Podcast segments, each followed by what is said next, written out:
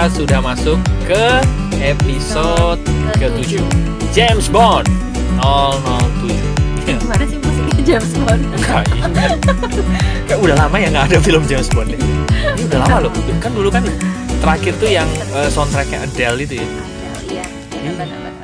Nah, kita mau ngobrolin apa di episode kali ini? Hari ini kita mau ngomongin tentang passion. Oke, passion. Apa? Passion. Ya, passion. Passion itu kalau di bahasa Indonesia ini apa ya? Intinya sesuatu yang membuat kita bergairah melakukannya. Bersemangat. Oke. bukan bukan bergairah. Konotasi gairah itu gimana gitu ya kayaknya ya. Oke. Ya, bersemangat melakukannya. Oke. Em, Oke. Nah, pertanyaannya bahkan bisa dimulai dari ini sih. Eh, sebenarnya passion gua apa sih gitu? Hmm.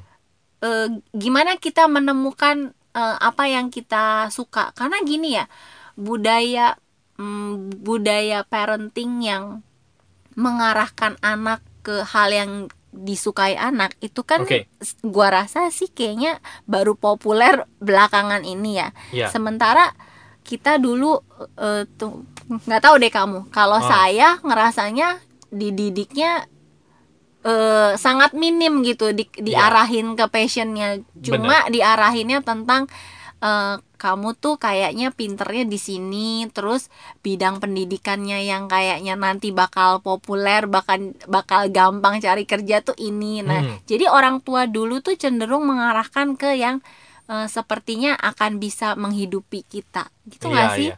tapi Entah jarang itu kita suka apa enggak bodo Ya, amat ya. jarang Hmm. banget nanya kamu sukanya apa passionnya apa kayaknya jarang diarahin ke situ jadi mungkin sampai umuran segini kadang-kadang masih suka ada yang nanya kalau gue apa gitu kan Hmm. nah kira-kira gimana cara kita mengenali bahwa oh bidang ini passion gue tuh di situ gitu Ya, ini pengalaman aja ya, pengalaman gua aja ya. Gini, sering kali kita terjebak dengan antara passion sama milih bisnis. Mm-mm, itu sesuatu maksudnya? yang berbeda sebetulnya. Passion Gimana? itu sebetulnya sesuatu yang bisa kita lakukan dalam tadi dalam jangka eh, dalam jangka waktu yang sangat panjang dan bahkan kita bersedia untuk tidak dibayar untuk melakukannya. Jadi Gitu. passion itu kayak kalau kita lagi ngerjain hal yang jadi passion kita tuh cenderungnya tenaga kita kayak keluar habis-habis sendiri gitu, ya. Betul, betul, Ah. betul. Jadi Oke. dan passion itu sesuatu yang sebetulnya kita nggak perlu bayar lagi. Mm-mm. Bener-bener itu udah kayak gift dari dari yang maha kuasa Oke. gitu. Contoh aja ya, Mm-mm, contoh. Contohnya Gini, gimana? ada orang yang passionnya ngomong.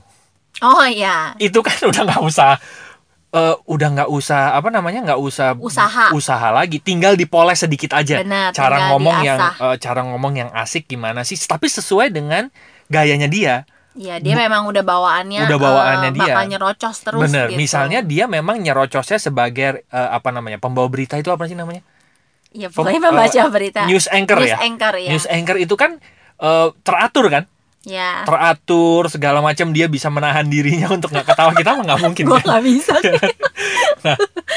itu eh, kemampuan terhebat dia adalah eh, berbicara secara runtut. Tapi berbeda sama artis-artis yang cingar. Iya. Itu kan sama-sama ngomong sebetulnya. Heeh, ya kan? Passionnya adalah sama-sama ngomong, tapi pembawaannya adalah sesuai dengan yang mereka bawakan. bawakan ya memang bawaan dari sananya. Nah, kalau kita udah ketemu banyak kok apa pun itu, ngomong, dengerin orang, itu juga passion loh. Mm-mm. Kita bisa dan orang bisa eh, orang yang sabar dengerin orang itu bisa menjadi sesuatu yang hebat. Mungkin dia bisa jadi psikolog yang handal, konsultan, psikolog. konsultan gitu yang ya. handal gitu kan. benar-benar. Jadi ka- sering kali orang kalau dengar kata passion itu kayak jauh banget mikirnya. Kayak Mm-mm. orang sesuatu yang harus ahli banget. Atau, Padahal mm, passion itu sesuatu yang dari situ aja udah bisa diolah dengan sangat bagus gitu sebetulnya. atau bisa nggak passion itu dari hobi? Bisa, bisa aja. Kayak apa tuh? Misalnya nyanyi, Bisa, terus eh, foto-foto. bisa, bisa. Kalau kalau gue senengnya nulis gitu ya. Ya, betul. Ah, Jadi eh, dari apa pun yang kita suka itu bisa dikategorikan passion kita. Cuman apakah Mm-mm. kita bisa hidup dari yang kita suka belum? Itu nanti ya, kita bahas. Itu pertanyaan poin selanjutnya ya. Iya, betul. Jadi belum tentu apa yang kita suka akan bisa menghidupi kita. Belum tentu karena ada Oke. ada kriteria kriteria kriteria kriteria lainnya gitu. Susah banget ngomongnya. ya, Oke. gitu. Nah, ah berarti ya itu pertanyaan selanjutnya Hmm. itu kan? Apakah kita bisa hidup dari iya. passion kita gitu ya? apakah kalau kita udah bisa nemuin passion kita selanjutnya kan ya apakah kita bisa hidup dari passion kita atau kita harus memilih antara passion dan Duit. eh, kebutuhan ya dengan duit bisa nggak kita dapetin duit dari passion kita itu kan kayaknya akan jadi hidup Surga yang dunia, sangat indah gitu ya kita Iya. melakukan yang kita suka dan dibayar apalagi Nah. kalau dibayarnya besar nah, sebetulnya apakah bisa terus terang eh, teman-teman mungkin bisa cari bukunya Ayah Edi. Judulnya bagaimana memetakan Potensi unggul anak. potensi unggul anak. Itu bagus banget. Dan kalau gua sama Rusi baca buku itu, itu sebetulnya bukan buat anak, buat gua malah. buat gitu ya. kita dulu buat ya kita dan eh, ayah Edi menjabarkannya dengan bagus dan secara tidak sadar mungkin gue sudah melakukan itu selama 5-10 tahun ini gitu ya. Hmm, jadi yang pertama ayah Edi cerita gini. Yang pertama kita perlu tahu minat kita dulu apa. Betul ya kan? minat. Eh, ya itu passion kita dulu apa gitu ya. Bener ya minat passion itu ya, ah, minat. ya. Minat. kita harus tahu minat kita itu apa. Yang tadi yang bersedia untuk eh, apa namanya bersedia bersedia eh, untuk melakukan itu dengan durasi yang sangat panjang. Ya Gitu benar. Yang kedua apakah kita punya bakat di sana? Oke. Gitu. Jadi punya minat, ada bakatnya. Yang ketiga konsisten nggak mau lakukan itu. oke Oke. Nah kita bedah satu-satu nih ya. Nih contoh. Pertama ada orang yang minatnya apa? Eh, olahraga, gitu ya. Olahraga, Misalnya mm-mm. dia minat sama sepak, sepak bola. bola, tapi bakatnya nggak ada. Ya kan? Eh, suruh juggling bola, suruh dribble bola, waduh buset. Iya dia cuma seneng aja dia cuma gitu ya. seneng gitu tapi, Tapi dia nggak punya bakat punya di situ sebetulnya gitu jadi walaupun dibilang oh namanya orang sukses itu bisa melakukan eh, apa harus melakukan yang lebih daripada orang orang lain gitu ya. Kalau orang lain lakukan dua jam kita lakukan lima jam gitu. Mungkin bisa sih kalau dia punya minat misalnya Mm-mm. tapi dia nggak punya bakat. Oke tapi dia konsisten misalnya ya. Iya. Mungkin bisa tapi dia mungkin Bersedia akan harus melakukan lebih lama eh, daripada orang-orang lain Bener, untuk bisa betul. jadi jago gitu ya. Bener dan apakah dia tahan ya dengan apakah prosesnya dia itu? tahan? Benar. Gitu. Jadi kalau orang udah punya minat dan dia ada bakat nah yang ketiga ini nih. Dia siap konsisten nggak melakukan hal itu? Oh, tapi ada juga yang kedua. Hmm? Punya bakat tapi belum tentu ada minat Ya, di situ. bener, itu bisa. juga ada. Kadang-kadang kayak kita ngelihat anak ya, Oh, ih kayaknya nih anak Bisa eh, nih. jago nih di sini. Tapi pas kita tanyain atau kita arahin, anaknya nggak mau gitu. bener bener Ya itu berarti dia nggak punya minat. Itu mau diarahin jadi potensinya pun susah dikonsistensinya orang anak yang nggak minat iya gitu bener kan. Ya, ini sebetulnya sama kayak kamu Hmm? sama kayak kamu Kenapa saya? gini kamu itu kan saya kenal kamu dari kecil kan Ya kan? Oke, kamu ya. itu pinter ya kan Ah, kamu lah iya kamu pinter SD yang SD nem paling tinggi tuh oh bukan kamu Oh, ya bukan, SMP ya kamu ya SMP. jadi si Christabel ini si Rusi ini waktu SMP itu nem paling tinggi satu sekolah itu kayaknya hoki nggak ya? gitu. Emang dia ini pinter gitu. Jadi kita semua menganggap bahwa si Rusi ini pasti bisa berhasil di bidang-bidang akademik. Ah iya sih. Ya kan? Itu kan Kayak- sebenarnya kamu punya bakat di bidang akademik gitu Kayak ya. mama dulu nyuruh saya kedokteran. Kedokteran. gitu. Sampai udah ikut ujian masuk. Lolos eh, kan? Udah gitu masuk lagi. Kan? Cuma ya dengan berat hati harus bilang sama mama, nggak bisa. Maksudnya kebayangnya daripada nanti di tengah-tengah apa kuliah malah eh, nggak tahan kan sayang Hmm. biayanya gitu. Bener. Oh itu mung itu ber- berarti ya Bener. ada Ada sebenarnya bakat, bisa tapi saya nggak suka. Tapi nggak minat Ya, gitu. ya, ya. Jatuh-jatuhnya kalau nggak minat, jangan harap ada konsistensi. Iya, kalaupun susah banget. konsisten pasti ada kayak ada apa sih tertekan. Bener. Ada perasaan yang tidak happy di situ. Bener. Dan Iya, iya, iya. pada saat hidup tertekan, terus kita nggak jadi jadi nggak happy, hidupnya jadi malah amburadul. Iya. gitu karena kan tujuan hidup hampir semua orang adalah untuk menjadi bahagia kan itu yang utamanya dulu gitu Dan katanya kan kalau bahagia eh, dari bahagia itulah kita bisa narik yang baik-baik. Bener. Narik narik rezeki, narik kelimpahan, semua dari Betul. bahagia itu. bener Oh, jadi iya iya. ada tiga itulah pertama kita Ada punya minat, minat, dulu ada bakat bakat yang ketiga konsisten konsisten. Nah, saya pribadi aja, saya pribadi itu harus diakui, minat saya itu ngomong. minat saya nih, saya buat podcast itu itu udah ba- bagaikan Ah, surga dunia. enjoy ya. Gitu. Sebetulnya nggak cuma podcast, saya tuh cukup banci tampil sebetulnya. Iya, jadi kalau Ari itu makin dikasih banyak orang, dia makin hot ya. Iya. Kalau saya kan, aduh saya lebih suka one on one deh. Kalau one on one mau saya layanin ngobrol panjang pun oke. Tapi kalau Iya. udah suruh nerangin ke banyak orang, nggak nggak keluar. Kalau Ari itu makin disediain penonton, makin disediain orang, dia makin oh, Makin oke gitu. Jadi jadi harus diakui bahwa saya itu passionnya adalah ngomong. Lebih tepatnya passion saya adalah mengajar. hmm, Nah, saya waktu itu mikir-mikir, kenapa ya saya punya eh, apa namanya mengajar apa namanya ketertarikan di mengajar sesuatu. Mm-mm. Ternyata balik-balik lagi kembali ke luka. Oke. Ya kan, balik-balik lagi tuh? kembali ke luka. Karena dulu saya melakukan apa pun pekerjaan saya itu demi sebuah pengakuan kan. Kalau Oh. misalnya saya ngajar, kesannya tuh wah eh, Ari Hebat, keren gitu. gitu. Nah, cuman itu emosi zaman dulu. Waktu pertama kali saya ketemu passionnya. Jadi saya juga menyadari gitu. Mm-mm. Gue juga menyadari bahwa Hmm. tidak ada yang salah dengan luka. Malah gara-gara luka kita bisa tahu passion kita, Iya, benar. ya kan? Jadi sering kali Tuhan kasih jalan kita mendapatkan iya. luka itu malah malah Melalui ya, malah melalui luka itu kita malah jadi ketemu, Ketemu. passion kita apa, minat kita apa iya gitu. sama saya kan juga begitu. Hmm. Karena kamu? saya iya itu karena saya punya luka di eh, hubungan dan lain-lain jadi saya tuh eh, apa suka kan mempelajari Hmm. segala sesuatu tentang em, manusia tentang Yes. hidup tentang hubungan dan akhirnya saya seneng dengerin eh, saya tuh cukup tahan ya kalau dicurhatin orang Hmm. saya seneng dengerin Ya. karena saya tahu rasanya waktu lagi nggak enak gitu Iya, kadang-kadang iya. kita mau ngomong juga bingung mau ngomong sama Oh, siapa, gitu Betul, kan betul. jadi ya mungkin berangkat dari luka itu jadi sering lumayan sering jadi tempat curhatan orang dan Bener. karena belajar akhirnya ya bisa juga kasih saran kalau ditanya Bener, bener. Nah,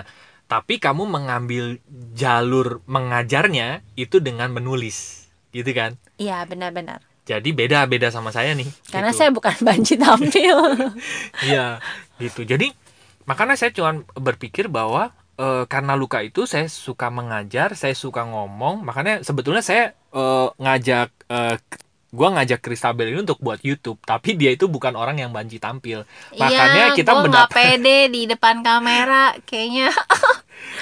Ya kan? Nah, makanya kita akhirnya mendapat satu jalan tengah kita buat podcast. Ya. kan? Dan podcast juga wah oke. Eh, gua oke dia oke gitu. Ya dan kita benar-benar melakukan kita rekaman podcast ini sangat menyenangkan buat kita Iya, Ya kan? sama-sama menikmati. sama-sama menikmati buat waktu buat kontennya kita menikmati ngomongnya juga menikmati gitu Iya. jadi happy aja gitu melakukannya Oke.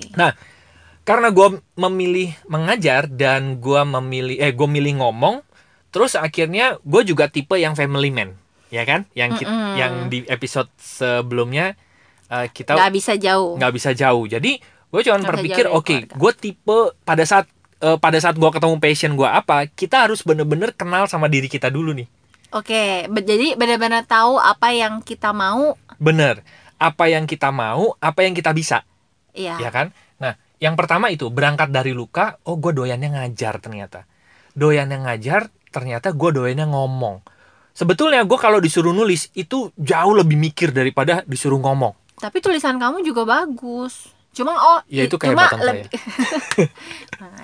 Enggak karena Cuma lebih usaha gitu lebih usaha, ya. bener, lebih usaha dibanding, Dibanding saya disuruh ngomong. langsung ngomong. Udah langsung Ya. ngomong aja deh gitu. Oke. Ngajar eh, karena ada luka, saya gue apa demen ngajar, ngomong dan tipe family man. Ya. akhirnya apa ya yang bisa masuk kriteria tersebut bidang apa akhirnya yang bisa di Ah, diolah oh ternyata bidangnya bidangnya adalah saya suka sekali dengan eh, meng- apa namanya menghasilkan uang dari rumah dan saya mengambil jalur bisnis network marketing gitu MLM MLM gitu. Nah, itu kan kontroversi ya sebetulnya ya. betul Eh, bisnis itu kontroversi. Kenapa akhirnya saya memilih jalur bisnis itu? Eh, karena yang pertama begini. Saya udah kenal MLM itu sebetulnya dari tahun SMA ya kamu SMA pertama ya, SMA ya? yang Oh iya iya benar benar benar. saya kenal MLM itu dari SMA. Saya udah jatuh hati sebetulnya. tapi Cuman untung untung gue belum di prospek waktu SMA Iya. Eh tapi tenang aja kok.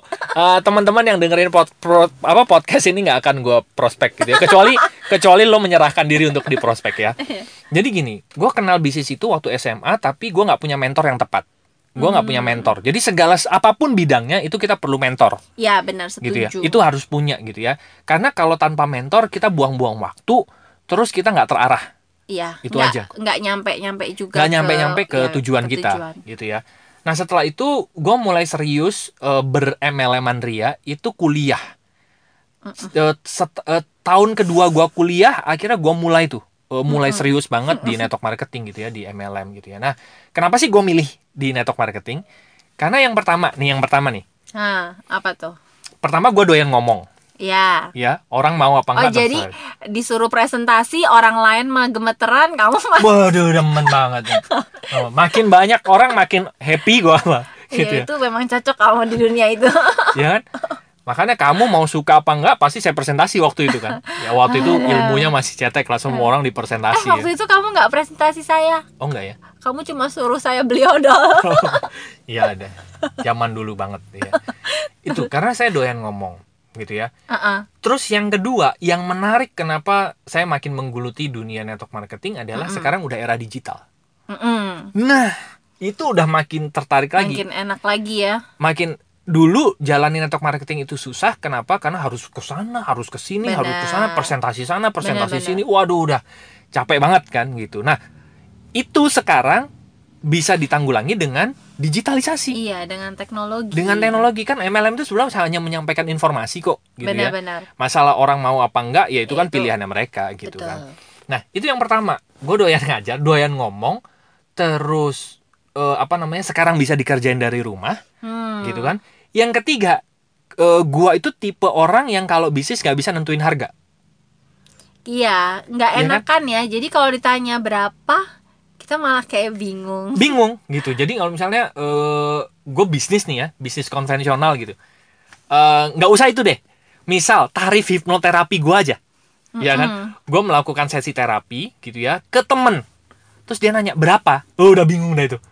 Gitu. Itu biasanya ujung-ujungnya malah kayak nggak usah lah gitu Iya ya. nggak usah lah gitu tipe gitu ya. Nah Cuma orang yang terapinya kan merasa harus mengeluarkan sesuatu kan. bener gitu. Nah akhir, nah di, di network marketing di MLM semua harganya tuh sudah tercantum Sudah jelas. gitu. Jadi enak banget. Jadi perhitungan komisinya. perhitungan komisinya semuanya udah jelas. Yang dilakuin gua demen banget. Pokoknya lu tinggal ngomong aja. Iya mengedukasi orang udah demen. Nah lebih tepatnya gue itu lebih eh, kelebihan gua adalah gua lebih ngomong yang teratur gitu. Ngomong yang Iya. terstruktur dan gue bisa membuat presentasi gua itu menarik buat orang.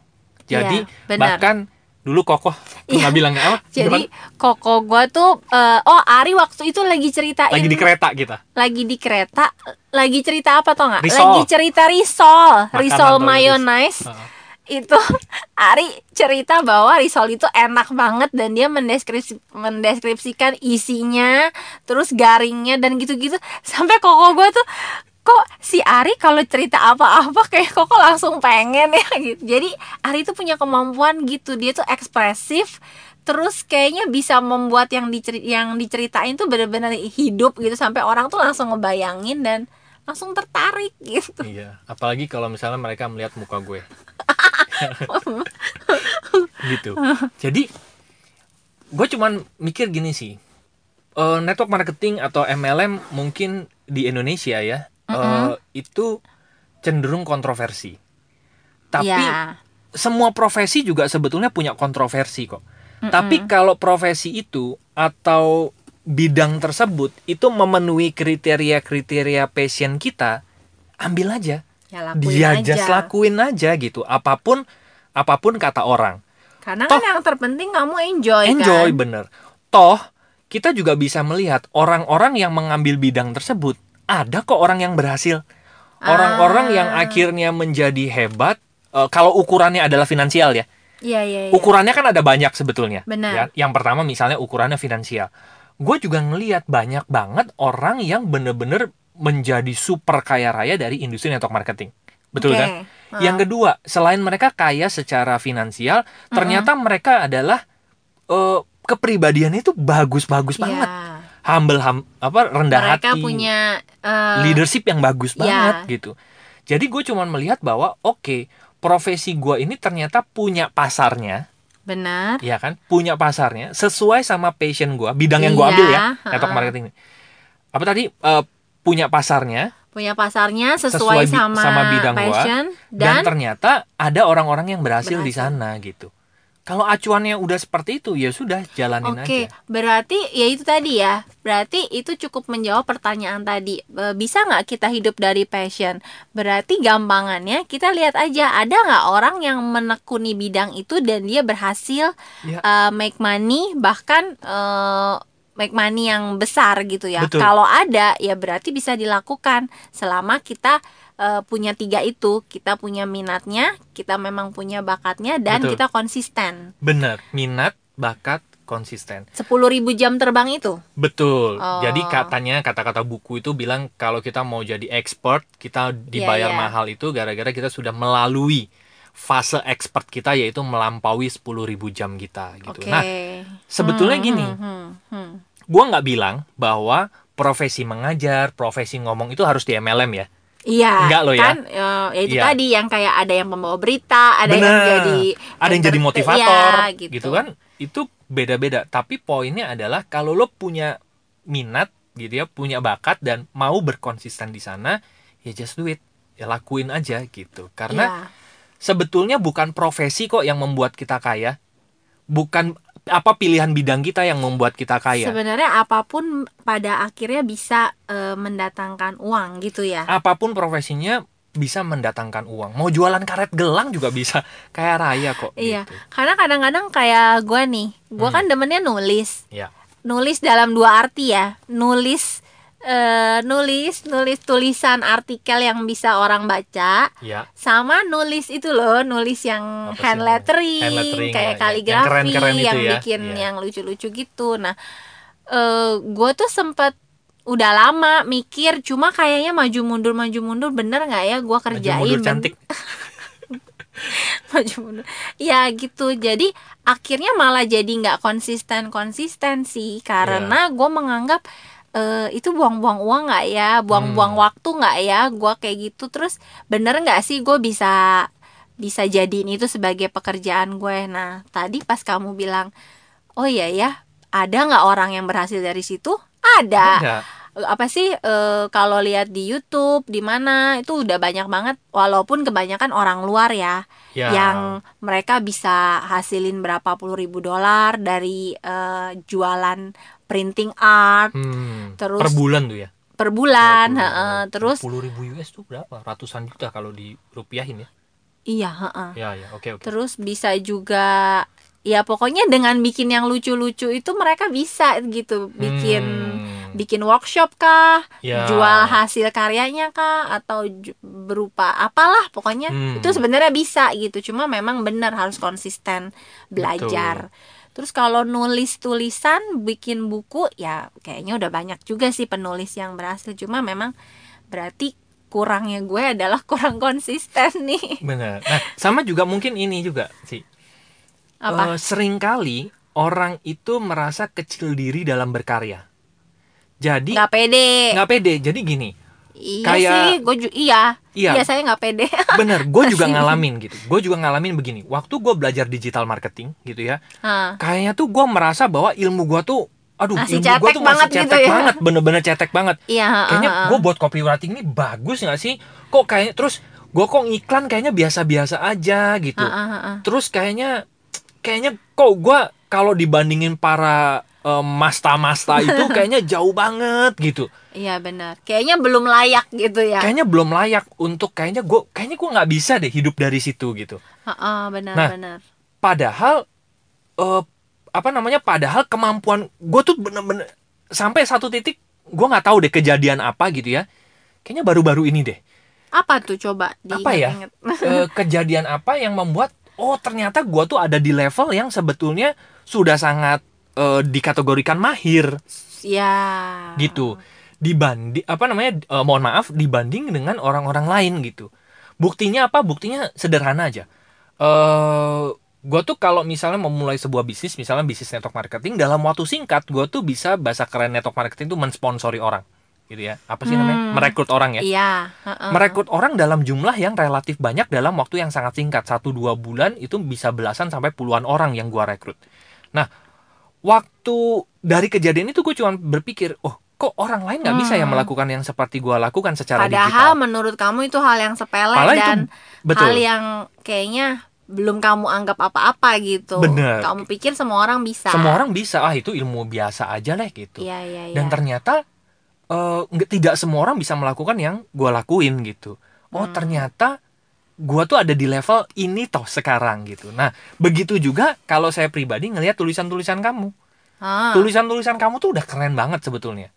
Iya Iya kan? Nah. ya nggak tahu. dan udah keren banget gitu. Nah cuman Ah. sering kali kita merasa kecil diri dengan karya kita iya gitu. kayak nggak pede terus apa bener nggak apa maksudnya eh, mau apalagi kalau disuruh jual ya kayaknya Hmm, udah layak, layak jual belum ya sih? gitu ya baru aja nanya temen tadi siapa Fadli ya. Iya. aduh ini layak jual nggak ya gitu. Tapi ya itu eh, padahal sebenarnya mungkin karena kita me- menentukan standar terlalu tinggi apa ya jangan-jangan punya Maksudnya, luka.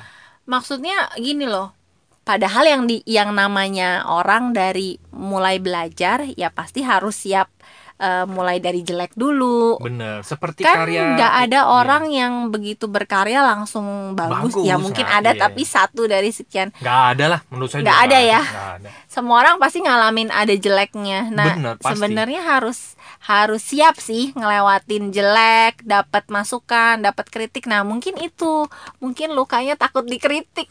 bisa jadi gitu nah cuman sebelumnya gini sejelek-jeleknya karya kita pasti ada pasarnya ya, benar. pasti ada pasarnya Karena sebenarnya selalu ada orang yang minimal di level yang sama kan sama Bener. kita. bahkan lebih rendah dari kita ya, jadi Gitu. sebenarnya ya betul betul. Jadi kan sering kali gue juga sering ngamatin begini sih. Waktu gue waktu gue memulai bisnis eh, network marketing ya, gue cuma pikir gini, Mm-mm. kok tuh orang ngomongnya kayaknya gue kalau ngomong lebih bagus dari dia. Iya, iya benar-benar. Tapi kok dia bisa lebih eh, Lebih berhasil. lebih berhasil ya gitu. Ternyata sederhana bahwa dunia ini itu melihat dari tindakan kita, dari Hmm, dari action yang terus kita lakukan gitu. oke. Karena semakin banyak action yang kita lakukan, kita kan jadi semakin terasah kan. ya. gitu. Terus juga dunia juga melihat begini. Pada saat kita melakukan sesuatu Mm-mm. dan ternyata belum dibayar, kita tuh kayak eh, apa semesta itu jadi kayak begini. Oh, dia sudah melakukan sesuatu. Kayak Jadi kalau kayak punya tabungan. kayak punya tabungan kebaikan gitu. Oh, ya kan iya, iya. dibanding kita nggak ngelakuin Nggak sesuatu ngelakuin apa-apa, gitu. iya. Terus kita mau nabung berapa ke semesta? benar. Seringkali malah gini, tulisan-tulisan atau gue ngasih eh, apa namanya audio dan audionya itu menurut gue jelek banget. Malah audio itu yang malah bilang, wah pak, saya thank you banget ya dengar audio ini. Be- Malah dapat insight. Malah dapat- mal- ada aja yang merasa terbantu gitu. Bener. Padahal dari se- ya dari sesuatu yang menurut kita jelek atau Iya. maksudnya nggak bagus gitu. Bener, re- Iya, iya, receh bener-bener receh gitu ya. Iya.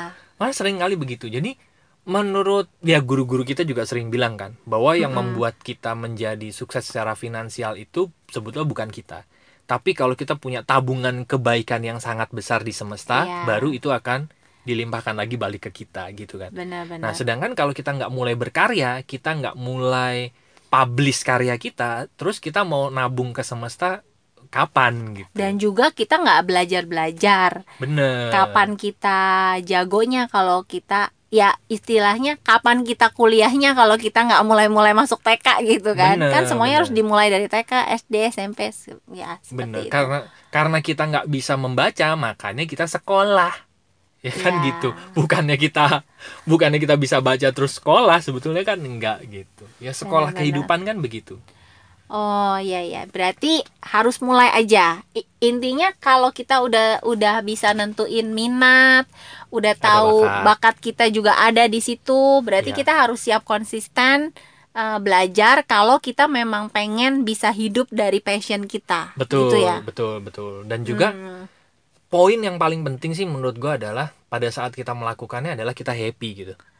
Ah, itu yang iya. paling penting sih. Karena itu kata-kata ayah Edi itu bagus banget menurut gue Iya benar-benar. kata-katanya adalah memang uang, Uang, tidak, tidak menjamin kebahagiaan, kebahagiaan, tapi, tapi telah terbukti kebahagiaan mendatangkan banyak, banyak uang. betul pada saat orang menjadi expert di satu bidang gitu ya orang melakukannya dengan totalitas orang melakukannya dengan happy mereka lah yang dicari-cari uang begitu kan Iya benar. gitu dibanding pada saat kita fokus ke uang uang uang uang terus Ah, ah. malah Malah belum iya, tentu benar. nanti ujung-ujungnya happy gitu jadi kata-katanya ayah Edi tuh benar banget. keren banget lah mungkin diulang Iya. sekali lagi apa tadi Eh, Uang uang, tidak, tidak menjamin menjamin kebahagiaan, tapi tetapi telah telah terbukti terbukti kebahagiaan mendatangkan banyak mendatangkan uang. banyak uang gitu nah sekarang tinggal pertanyaannya adalah teman-teman bahagia jika melakukan apa Oh iya, benar-benar. Ya. Dan kalau ayah Edi dia kasih rumusan bagus ya, Hmm. yang di buku yang itu yang tadi ya, iya yang bagaimana memetakan potensi unggul anak. Dia cerita ada eh, polanya orang gagal sama polanya orang sukses. iya Jadi ayah Edi tuh bilang kalau polanya orang gagal itu disingkat jadi M M M H.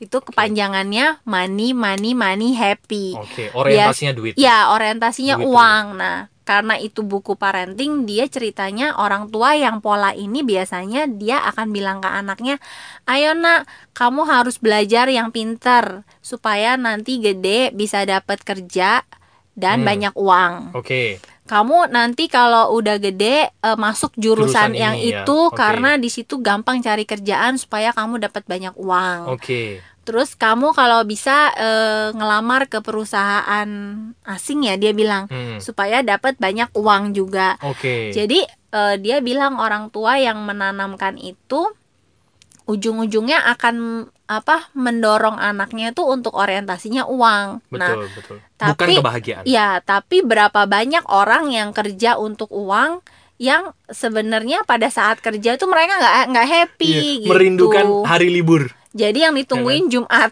Jadi iya benar eh, TGIF terus ya. iya iya iya iya iya Nah. iya betul betul betul Ya itu bener banget dan benar terus dia kasih yang kedua. Yang kedua itu dia cerita, oh ini yang orang sukses. ya Oleh yang pola a- sukses orang sukses Pola sukses itu dia cerita kepa- eh, singkatannya tuh HTEM dia bilang.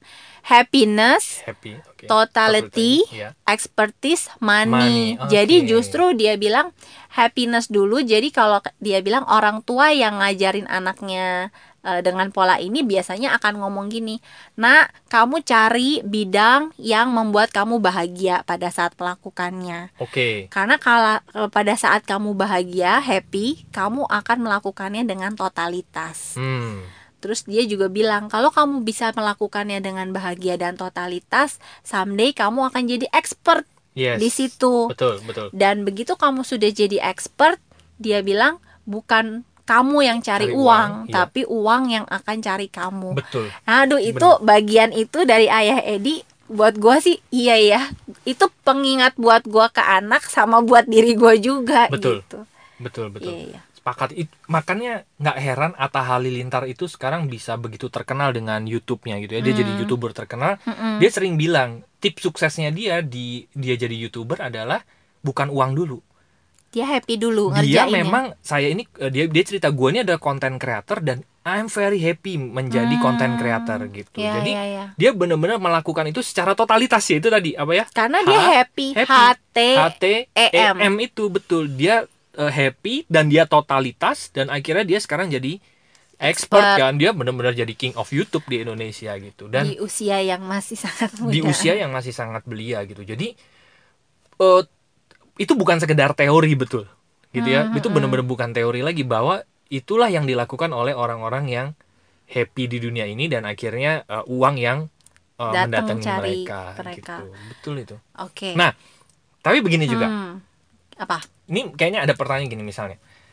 Eh, oh, Pak, tapi saya udah terlanjur. Saya udah terlanjur nih. Ah, Saya udah terlanjur kerja terus yang bukan passionnya. saya bukan passionnya apa saya tiba-tiba harus berhenti kerja gitu kan?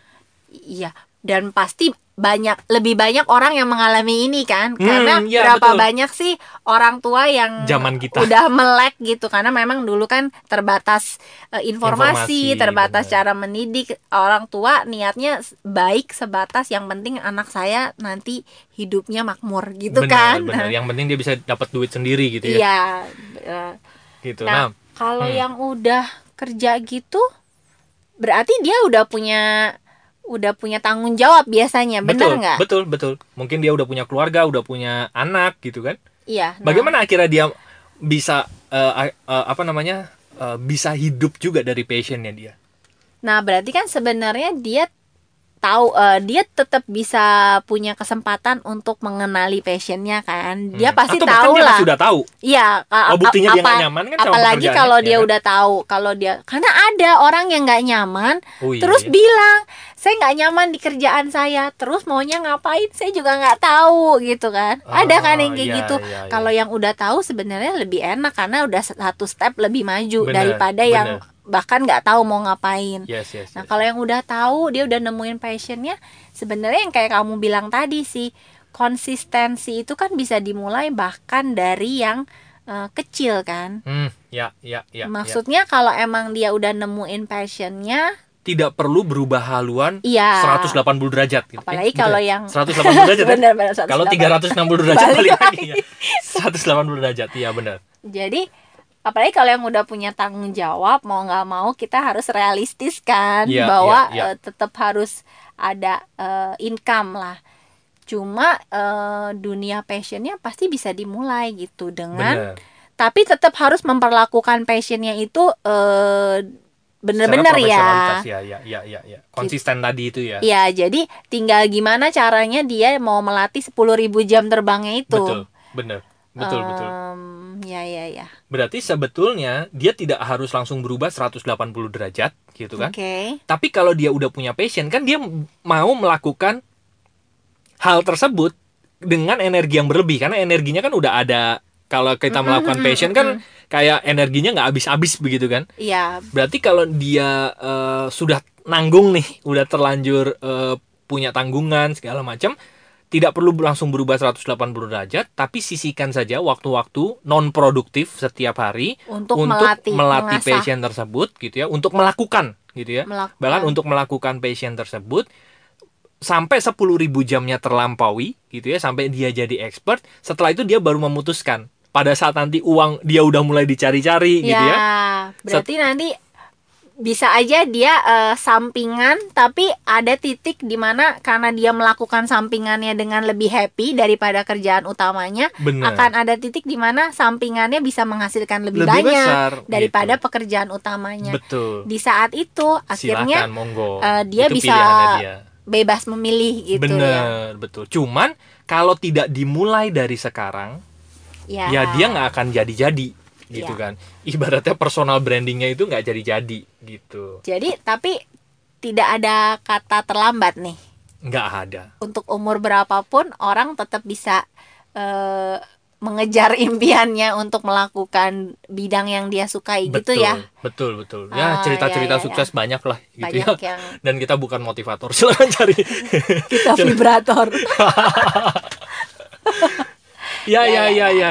Jadi, iya sih benar bahwa eh, pada saat kita ingin hidup dari passion ada tiga hal itu ya. Kita tahu dulu Nah. minat kita, kita ada bakat nggak ada di situ. kita punya bakat kita juga. punya bakat di situ dan Kita mau konsisten. kita mau konsisten melakukan hal itu gitu. Jadi Ah, ya, ya. tiga hal itu sih sebetulnya yang secara tidak sadar mungkin kita lakukan juga gitu ya dan Mm-mm. sangat bersyukur sekali kita ketemu bukunya Ayah Edi yang bisa menjabarkan itu secara mudah untuk dimengerti gitu. Mm-mm. Oke. Semoga teman-teman bisa ketemu passionnya gitu ya. Apa pun Dan- passion Anda ya. gitu ya. Dan Terus- berani dan memulai. berani gitu ya. Terus jangan jangan menganggap jangan menganggap remeh passion yang kecil. Passion apa pun itu bisa menjadi sesuatu yang besar. Buktinya Ya, aja sekarang benar. ini ya. Orang anak-anak main game aja sekarang bayarannya udah gede kan? Iya, itu sebenarnya enak banget ya, Yuk. main game dibayar. ada nggak sih lomba sumsum saya mau ya kan sekarang jadi yang zaman dulu kayaknya kesannya cuma main-main sekarang malah bisa menjadi Eh, satu uh, iya, penghasilan yang sangat besar sekali. Kemarin itu Benar. saya ngelihat ada tim liquid ya itu menang game dibayar 10 juta dolar. Untuk berapa orang timnya? Empat orang. Empat Berarti orang satu orang dapat dua setengah juta. dua setengah juta. Di rupiah berapa tuh? Dua setengah juta dolar itu. Kali lima belas ribu aja gitu kan. Berapa itu. Oh, dua setengah juta dolar 30 m. Eh enggak ya? Hah?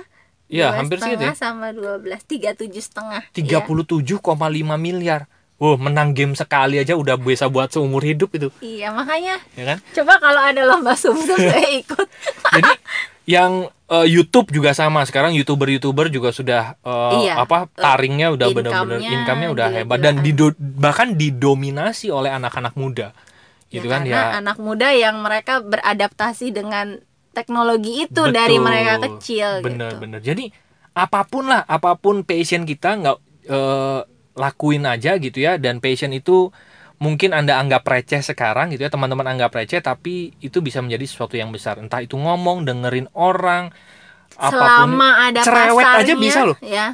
Cerewet gitu ya. Cerewet itu bisa jadi eh, apa namanya Iya. passion yang sangat besar banget gitu ya. Itu bisa. Ria Ricis. Iya di Jarcis tuh eh, dia bisa jadi youtuber handal dari itu gitu. Jadi eh, apa pun itu jangan bisa. anggap remeh jangan anggap remeh. dan eh, apa jangan takut untuk jelek ya Bener. karena mau nggak mau kita pasti harus mela- melewati jadi jadi kurang dulu untuk bisa jadi lebih bener bener. Oke Ya, oke. ya, ya, ya. Oke. Mungkin itu di episode kali ini dan kalau teman-teman ingin bercerita gitu ya atau masih bingung juga passionnya apa sih kami welcome kok untuk nanya-nanya gitu ya untuk kita Ngobrol, sharing-sharing ngobrol. ngobrol gitu ya. Silakan masuk ke website kami yaitu lompatanhidup.com. Nanti kita bisa ber WhatsApp Ria di sana. berinteraksi ya Berinteraksi di sana gitu kita ya. sambil sharing-sharing bareng-bareng belajar bareng juga Oke. Oke. Oke, atau kalau mau sukarela di prospek MLM, itu silakan ya silakan lah ya. Siapa tuh ada yang passionnya MLM juga kayak kamu kan kenapa bener. enggak Iya benar. Ya kan bisa dapat passive income. ya mulai deh Mulai Ya. berpromosi. Ya. Oke, oke thank you.